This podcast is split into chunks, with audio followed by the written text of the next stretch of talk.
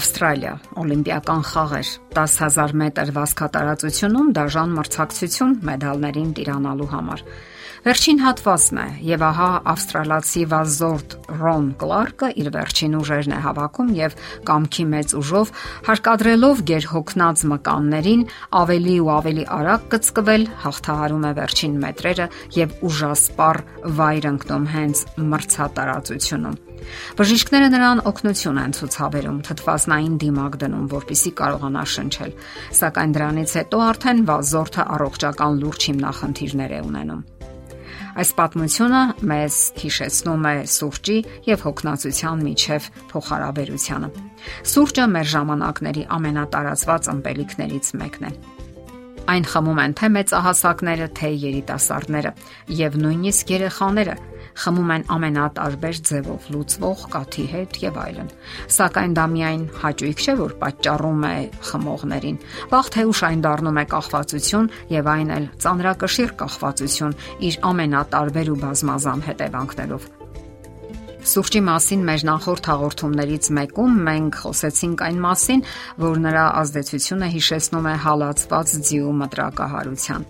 Ցավ զգացող ձին կարող է ավելի արագ շարժվել, բայց իրականում նրա հոգնածությունը չի նվազում։ Մենք հարկադրում ենք ձիուն վատնել էներգիան օրգանիզմի pašարներից Այդպես էր վարվում նաև վազորդը, երբ ստիպում էր հոգնած մարմնին վազել ավելի ու ավելի արագ, սակայն մի պահի վրա հասավ հանգուցալուծումը, որովհետև չի կարելի այդպես երկար շարունակել, որովհետև փոխհատուցել կամ վերականգնել այդ pašարները այնքան էլ հեշտ չէ։ Որոշ pašարներ ընդհանրապես անհնար է լրացնել։ Սուրճի մեջ պարունակվող կոֆեինը պատրանքներ է ստեղծում այն մեծ դերասան է Լավ դերասանը ստիպում է իր հերոսին մտածել, որ ամեն ինչ տեղի է ունենում իրականության մեջ։ Այո, կոֆեինը բարեկեցության եւ առողջության պատրանք է ստեղծում։ Սակայն ինչպես դրամաներում, վարագույրը միշտ փակվում է փակվում է ճիշտ իր նշանակված ժամանակին։ Եվ եթե մենք շարունակում ենք ապրել էներգիայի եւ առողջության պատրանքներով, ապա մի գեղեցիկ օր հանկարծ նկատում ենք, որ վարագույրը մեր առողջության համար փակվել է մշտական հոգնածություն, նյարդային համակարգի եւ տարբեր օրգան համակարգերի հյուծվածություն, մտրակահարված ձիու համախտանիշ կամ սինդրոմ Եվ ահա այն գինը, որ վճարում ենք մենք կոֆեինի ստեղծած պատրանքների համար։ Իսկ այժմ տեսնենք, թե ինչ են ասում գիտական հետազոտությունները։ Օրինակ, հետաքրքիր հետազոտություն է կատարել ամերիկյան Լոմա Լինդա համալսարանի հասարակական առողջապահության ինստիտուտի դոկտոր Մերվին Հաստինգսը Գիտնականը ուսումնասիրել է սարդերի երկու տարատեսակ, դրանցից օգտագործելով մեծ քանակի իր փորձերի համար։ Նա հայտնաբերել է, որ սարդերի տարատեսակներից մեկը հիանալի սիմետրիկ սարդոստայն է գործում եւ այն էլ բավականին մեծ չափերի։ Դոկտոր Հարդինգը նրան էլ է օգտագործել իր փորձերի համար։ Փորձի ընթացքում նա շատ հմտորեն չափել է կոֆեինի անսահման փոքր չափաբաժիններ, որոնք նրբագույն ասեղովներ արկել է սարդի մարմնի մեջ։ Յուրաքանչյուր սարդ ստացել է այնքան չափաբաժին, որը իր ազդեցությամբ համարժեք է երկու գավաթ սուրճի, հասուն մարդու համար։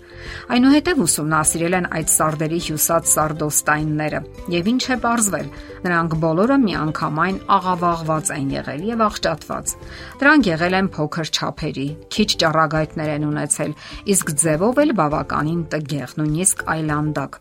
Մինչև կոֆեինի չափաբաժինները ներարկելը սարդոստայնի մեջ եղել է 30-ից 35 կենտրոնացված օղակ, իսկ կոֆեինի նույնիսկ 1 չափաբաժնի ներարկումից 48 ժամ հետո հյուսված սարդոստայնը դեռևս եղել է դեֆորմացված, պարունակելով ընդամենը 12-ից 13 օղակ։ Նույնպիսի պատկեր է նկատվել նաև 72 ժամ հետո։ Ներարկումից միայն 96 ժամ հետո սարդոստայնի չափերն ու ձևը վերադարձել են իրենց բնականon չափին։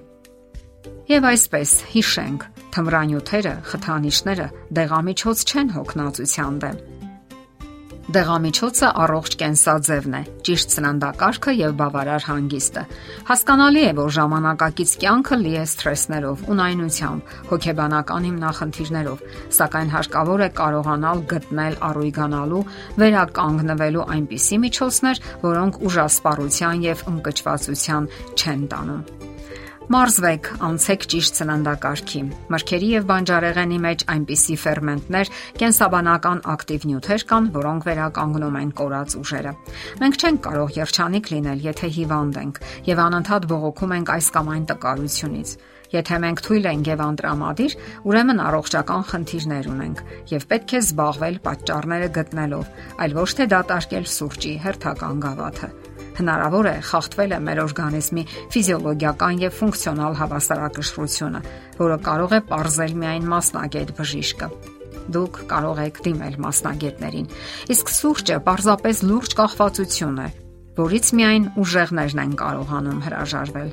Բոլորն էլ հայտարարում են, որ իրենք հենց այսօր կարող են հրաժարվել այդ թմրանյութից, սակայն չգիտես ինչու այդպես էլ չի հաջողվում նրանց հրաժարվել, որովհետև գործ ունենք ուժեղ եւ նենք հակառակորդի հետ, եթե չասենք ճշնամու, որովհետև արտնանալուն պես օրգանիզմը պահանջում է կոֆեինի իր հերթական չափաբաժինը եւ նույնիսկ պարտադրում ավելի ու ավելի շատ։ Եվ այդ արատավոր շղթան շարունակվում է երկար տարիներ